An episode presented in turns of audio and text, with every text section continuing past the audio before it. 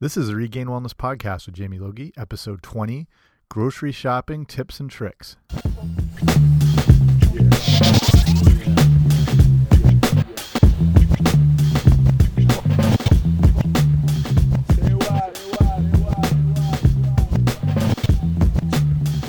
Yo, what's up, y'all?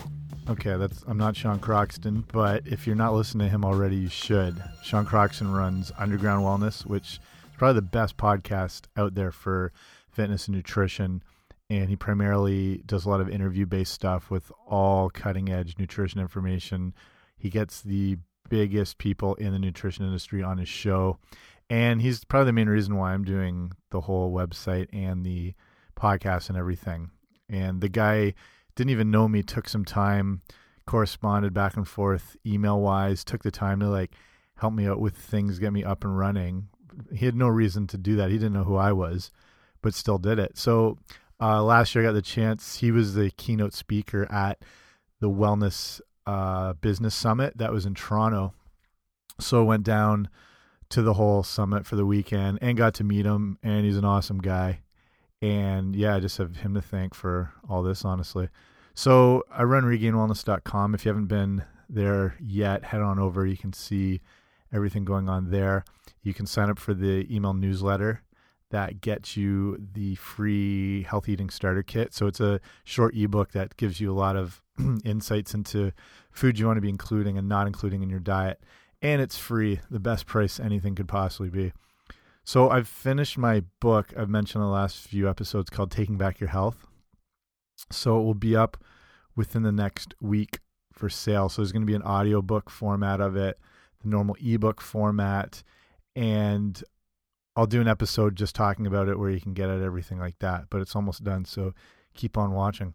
So this episode is a way to help save money, and it's centered around something we all do grocery shopping. We all have to do it at some point, and this is going to be helping you find the most effective way to do it.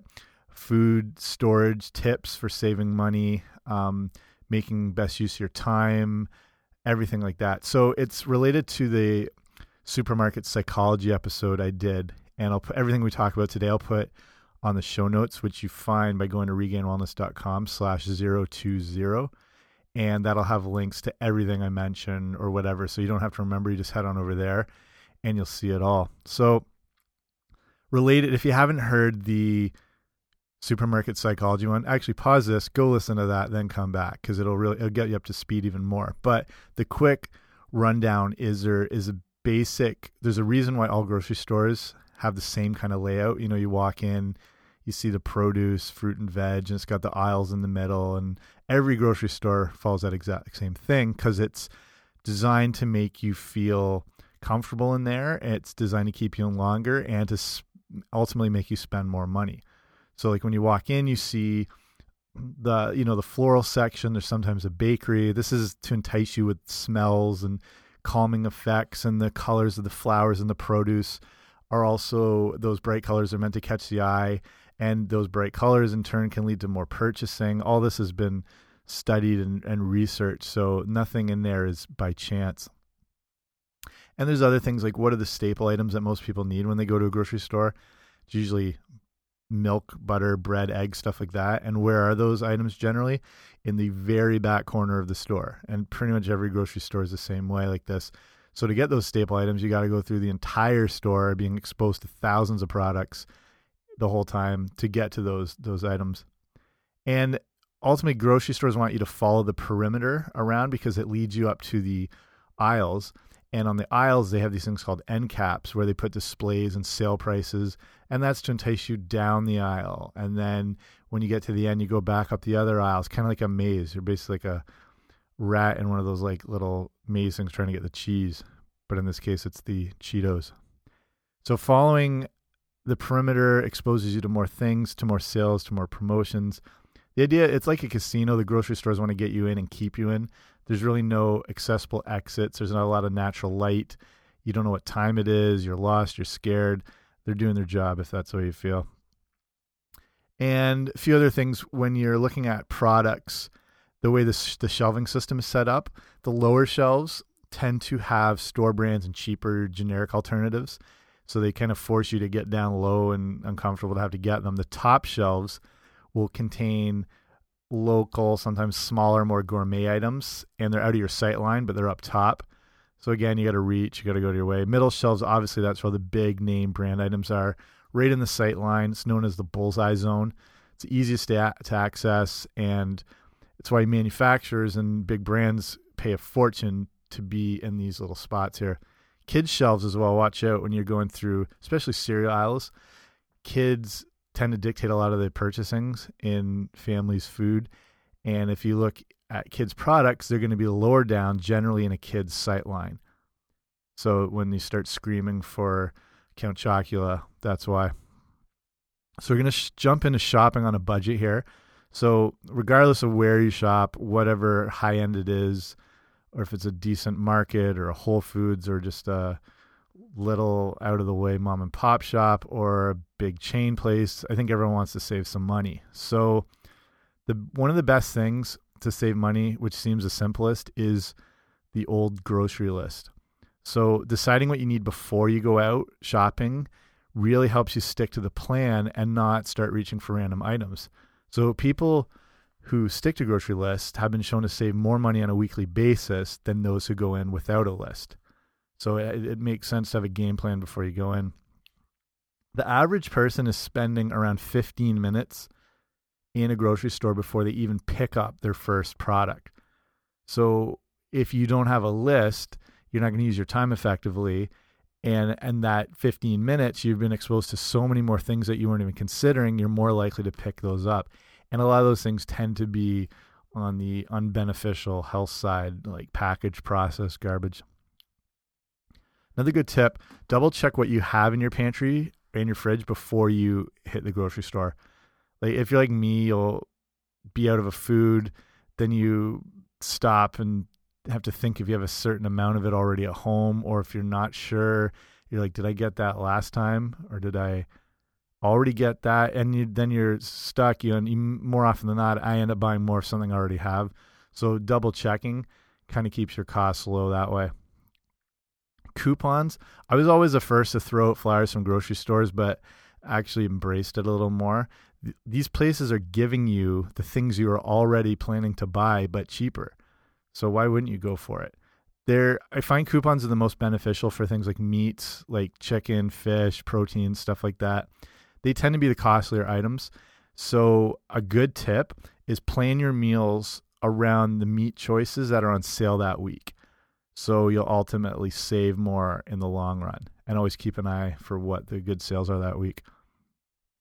So I got a nice little top 10 list on ways to save some money on various items.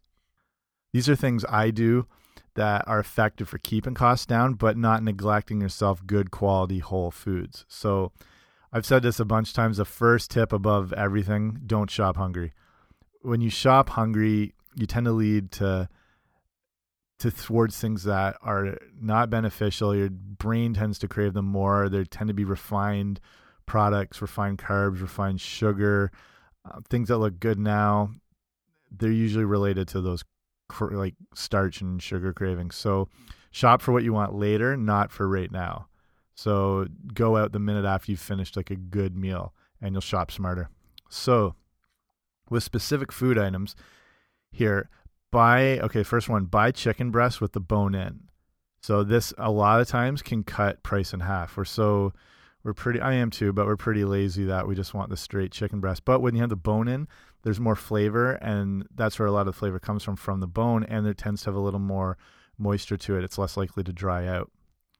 Number two, save bones from chicken for making stock, so which you can then use in other recipes and especially soups.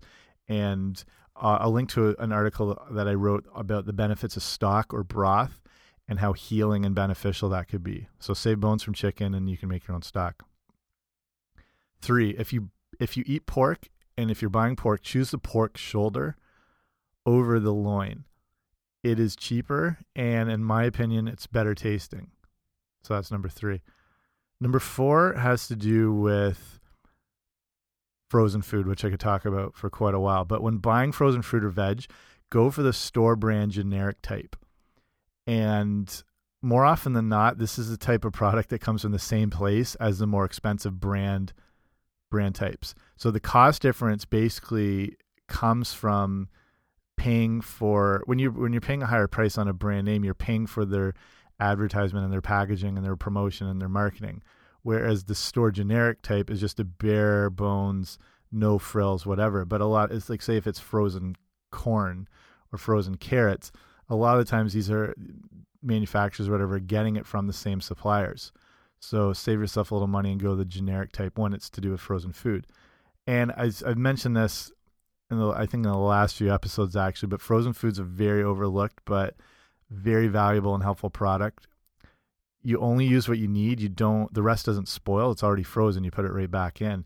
They tend to only cost a few dollars a package, and the frozen fruit and veg is flash frozen, so it can technically be more nutritious than fresh organic produce. So as soon as you pick something, the like these fresh things, they start to lose their nutrients the moment it's picked. So if it's traveling, even if it's traveling from 50 or 100 miles, the, the time in transit, the time it's sitting on the shelf, by the time you actually go and purchase it, get it home, it can lose quite a lot of its nutrients. If you're going to a farmer's market where you know they've got it that day and they bring in fresh, that's amazing. But for the majority of the things, a, a frozen food, even maybe from the other side of the country, could be more beneficial because it's flash frozen and all those nutrients are preserved. So think about how Han Solo was frozen in carbonite in The Empire Strikes Back, perfectly preserved and no damage. Okay, that's the only Star Wars reference you'll get from me here.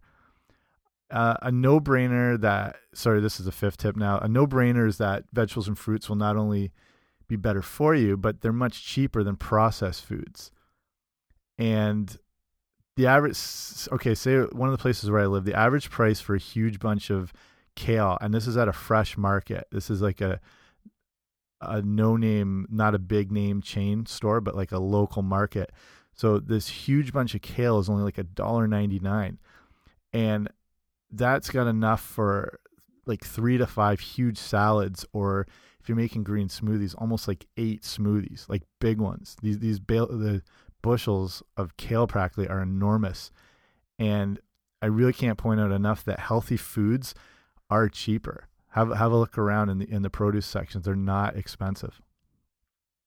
Number six, if you're a beef eater, your best value for cuts of beef, if you're looking, are brisket, skirt steak, flank steak, chuck and blade, and top rump. And with these cuts, this is where a slow cooker can be your best friend. So, slow cooking can take any type of cheaper cut and turn it into an amazing and super tender dish. So, then you can add in things like the broth you made from earlier. Remember that? The vegetables you're buying, uh, garlic, tons of herbs, rosemary, whatever. You set it for six hours or so and just leave it. So, it turns out to only cost you a few dollars a meal and makes amazing dishes. So if you're in a grocery store, look for the cheaper cuts, or if you're at a market or a butcher, ask them for these cuts as well. So brisket, skirt steak, flank steak, chuck and blade, top rump. The farmers and butchers will also know the best way to cook the various cuts of meat if you go to places like that. So use them as a great resource and they'll really fill you in on some good tips there. Seven, quinoa. Quinoa is not technically, it's not a grain, it's more of a seed and good organic varieties are now becoming as cheap as rice. You can find them a lot of places. This ingredient can be used and stretched very far in dishes and in things like salads. So it's a great nutritious choice and a real cost saver. Eight, I've mentioned this before, but bulk barns and or bulk food stores or wherever you go. They a lot of people, like I said, they tend to associate these places with big bins of jelly beans and heart shaped chocolates and pinatas up front and streamers and all kinds of garbage. But they're honestly borderline health food stores, if I can say that. It's not just gummy worms. So they can first off save you a lot of money because you're buying in bulk and key items, but they're a great place to get things like raw nuts, seeds. That's where I get like raw almonds or raw macadamia nuts or sunflower seeds. And they're great for finding a wide variety of rices, like wild rices. You can find black rices, um, real like like here in Canada, they have like prairie rice, they call it. So it's like a mix of these different things. Um, like the quinoa I said before, you can find flax seeds, chia seeds, cacao nibs. I talked about cacao nibs the last episode. Check that one out too. There's a very that's a very healthy and beneficial food. Um, it's just and it's also great for finding alternative flours. If you're avoiding gluten or wheat, it's a probably the best place to find things like coconut flour or almond flour. So definitely start including the bulk stores into your shopping routine. Here's what I didn't mention before. Best day to shop or to go to grocery stores Tuesdays. They tend to have their best sales on, less people. Tuesday's is a day where if you notice that's like cheap movie nights in a lot of places. It's the day that music and movies are released like on iTunes and whatever because it's seen as kind of the low key consumer day as opposed to weekends, which like you couldn't pay me to go into a grocery store on a Saturday or anything like that. So shopping on a Tuesday is the least busy time, plus the days when you can find most of the sales. So that's just a side note here. Uh, the ninth thing here, so we just finished with bulk stores. Number nine, for fresh veg, keep them in either a plastic bag or a brown bag and wrap the bag up while trying to squeeze out all the air. So doing this and keeping it in a vegetable crisper in your fridge will really extend the life of the vegetables. So air oxygen really breaks things down. It'll turn them brown and make them spoil quicker than you'd hope for. So keep as much air as possible to not allow the produce to break down wrap them up tight. Number 10, easy one, but grow your own herbs. If you're like me, you use a ton of herbs all the time. I use them in everything, every dish you can name of. First, because I like the taste of things like either fresh or dried. Dried is still good, like oregano, basil, sage, things like that. The herbs contain really important phytonutrients that can help in fighting disease, providing us with antioxidants, which fight off free radical damage in the body, which is you know leads free radical damage can lead to premature aging, uh, other diseases, certain type of cancers, stuff like that. So it's not only going to enhance the flavor; it's a high, high nutrient source. And herbs rank one of the highest on the antioxidant scales. So when they look at the antioxidant content of certain foods, herbs and spices are at the top of the list. And I'll put a link actually for a chart that shows you all that. Depending on where you live, an outdoor garden is really cheap and easy to do. Like a lot of these herbs and plants grow without a lot of assistance. And then you can buy the straight out plants like basil or oregano for only a few dollars and they'll still grow each year. So it's a good choice there you can buy order like you can order packages of seeds year round online through like Amazon or whatever for only a dollar or so. So now you're looking at like pennies a plant, um, depending on the time of year and the climate. Herbs can also be grown on windowsills in apartments. They just need a little bit of sun, a little bit of water. The easiest herbs to grow also tend to be some of the best for you, which is interesting. So, like parsley, like amazing cleansing vegetable, parsley. Sorry, herb, I guess. Um, borage, basil, like I said, basil or basil, sage, thyme. Very easy to grow and very good for you.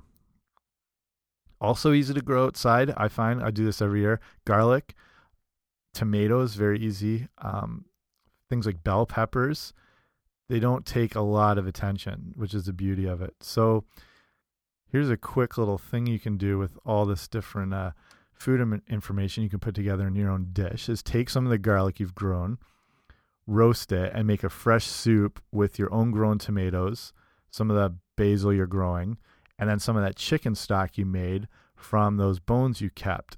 And that way, you'll have a soup that is better than anything you've had before that you could buy anywhere, and it'll cost you next to nothing. So, here's some quick everyday tips and tricks for storing food. So the average North American is wasting around 20 pounds of food a month, and you might be doing more. I I try to avoid this now with a lot of these tips I've learned here that I'm going to pass on in a sec. So this 20 pounds of food a month lost can amount for around two grand a year, like two thousand dollars in wasted food. So the first thing you want to look at is your refrigerator. And a fridge is designed to distribute its coldness throughout itself. The coldest parts are at the back up high, while the warmest parts are down low and in the drawers. These are the drawers meant for the fruit and the veg, like the crispers. So produce needs to be kept cool, just not too cold. So your fridge, the idea with the fridge is it's designed to balance out its distribution of cold. It kind of cycles cold throughout it. And a fridge that is overly full does not allow its cold air to circulate properly. So this can lead to an increase of warm spots in various places, which can lead to spoilage. So clear out what you really don't need in the fridge so it's running optimally. The doors are also a warmer part and will get exposed to warmer room temperatures the quickest every time the doors open. So it's important to remove moldy food out as soon as possible because the circulation of air in a fridge can easily distribute that mold throughout the fridge. So if you do drink milk or things like that, it's best not to keep them on the doors. It's best to keep them inside. And items that are on the door are things you want that don't have to be as cold because they're going to be the first thing that hits that warm air when they're open. So here are some storage tips to keep your food lasting longer. Store onions in pantyhose. This sounds weird, but hold on.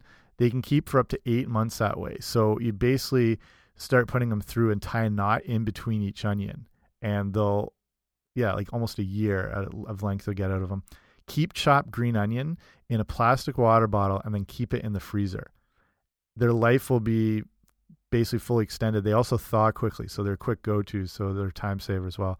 To extend the life of herbs, cover the leafy part of the plant in wrap plastic and use an elastic at the base of the plastic and store it in the fridge. That'll keep them going for quite a bit longer.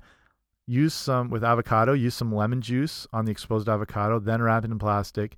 That'll help prevent it from going brown you if you make your own guacamole going with the avocado, you can spray it with if you have those olive oil sprays that are as long as it's pure olive oil, not like a, ve a garbagey vegetable oil, but one of those actually decent vegetable or sorry olive oil sprays will keep it lasting a bit longer. You can sprinkle a bit of normal olive oil on it as well, but the keep salad if you have salads left over, whatever, wrapped in a towel can get you an extra week out of it. So that's like dry leaves and stuff like that, not like a prepared one with whatever dressing. But if you have a bunch of leaves, wrap it up in a towel. Actually, will last a week longer. Celery, broccoli, lettuce, they can be wrapped in tinfoil and will greatly extend its life. That's a nice tip there. A little bit, if you are a cheese eater, a little bit of butter on the side of cheese will help that from drying out, which always happens with cheese. It's like eating a crust after, which is disgusting. Asparagus should be stored like flowers in some form of a jar or a vase and with a bit of water in the bottom. That'll keep them going. Keep mushrooms in a paper bag, not plastic ideally. The if you drink milk, like I said, keep it back in the in the cooler part of the fridge. Cheese, like we're talking about the items that can be a bit warmer, that's something that can go into the the, the door or whatever because cheese can be okay at a little warmer temperatures. Potatoes, this is an interesting one. Potatoes stored with onions can spoil faster. So you want to keep those things separate. And then storing potatoes with apples, weirdly enough, helps prevent the apples from sprouting. The apples can give off these different not not chemicals, but these kind of um, vapors almost that help in preventing potatoes somehow from ripening too quick and sprouting. So if you mix those together, it'll keep your potatoes a little longer. Here's something for berries, which I had just started doing. So you mix one part vinegar with 10 parts water and you swirl berries in it, whether it's raspberries, blueberries, blackberries, whatever. It'll keep them from going moldy and soft. And like fruits like these go bad really quick. But this vinegar solution, you won't you won't taste the vinegar, but you will be extending the life of those berries. The if you have bananas, if you put plastic wrap or tinfoil on the crown of the bunch of bananas, like where they all join together, that actually keep them lasting longer too, because that oxygen that hits there spreads through the bananas. So if you can kind of like seal off the cap, it's a good way. Also, keep bananas away from other fruits. Kind of like the the apple thing, they emit a, a gas. It's like an it's called ethylene, and it accelerates ripening. So the potatoes go well with the apples, but the bananas kind of need to be on their own. They're like the bad kid. Just put them on the side, and that'll help preserve some of your other fruits. Speaking of if it's a fruit, which I think it we officially has been classified, tomatoes, when you keep them in plastic bags, it tends to spoil faster. They're actually best left at room temperature and they're better when they're in a single layer as opposed to piled on top of each other. So if you can buy like you know like a flat not egg carton but those type um, cardboard container things if you can have a little dish or like a tray like one of those things like that keep the tomatoes into like spread out not on top of each other. They will last longer. They will keep riper and they'll actually be fresher than what we tend to do is store them in the fridge in a plastic bag. And last one here ginger so it can be stored in a freezer again and it'll honestly last indefinitely. It's not going to go bad and they're still very easy to peel and grate and whatever you need them for. So it's a quick go-to if say first thing in the morning I really encourage people to do a glass of water with some fresh squeezed lemon and the squeezing juice of grated ginger is an amazing cleansing detoxifying drink for the first thing in the morning. Okay, wow, that was already 25 minutes. So you can talk fresh food all day. I thought that'd be over a lot quicker. But there's a lot of good tips in here to take away. And if you make sure you go to the website if you want more of these tips um, that you can refer back to if you either re-listen or there's a lot of things we covered. But like I said, regainedwellness.com slash 020 and I'll list a lot of those different tips and the things we talked about. I'll put all the um, the food storage tips on there so you can refer back to them anytime. So that hopefully you've learned some stuff today that you can start applying right away. There's a ton of good things in here, and then some things I reminded myself about today that I need to keep doing. So it's grocery shopping. We have to all do it at some point. So it's you want to do it the most effectively. You want to save money, and you want to look for making the best food choices possible to keep you healthy and to keep you well. So having that, having a strategic plan when you go in is really going to help you in the long run. So Thank you for listening today. Appreciate it wherever you are. Be at home, driving, biking, at the gym, whatever. Wherever you are, thank you. I know there's a lot of podcasts out there, so appreciate you listening to this one. I said my book, Taking Back Your Health, will be out very soon. So if you're listening to the podcast regularly, please don't forget to subscribe so you know when they're coming through automatically, and then I can uh, fill you in when things like that happen. And if you hadn't already, like head over and sign up for the email newsletter so you get up to date with everything and then I can send you a bunch of good information right away to get you started if you're looking to get on the road to health and wellness. So that's it from me. Happy Super Bowl weekend to everybody. If you're listening to this after, I can't be I can't believe New England won like that or I can't believe Seattle won like that. Either way it's going to work. So, like I say with each episode, when you're getting new with getting healthy, getting on track with your wellness, your fitness, your health, everything like that. In the long run, remember it's about progress and not perfection. See you next time.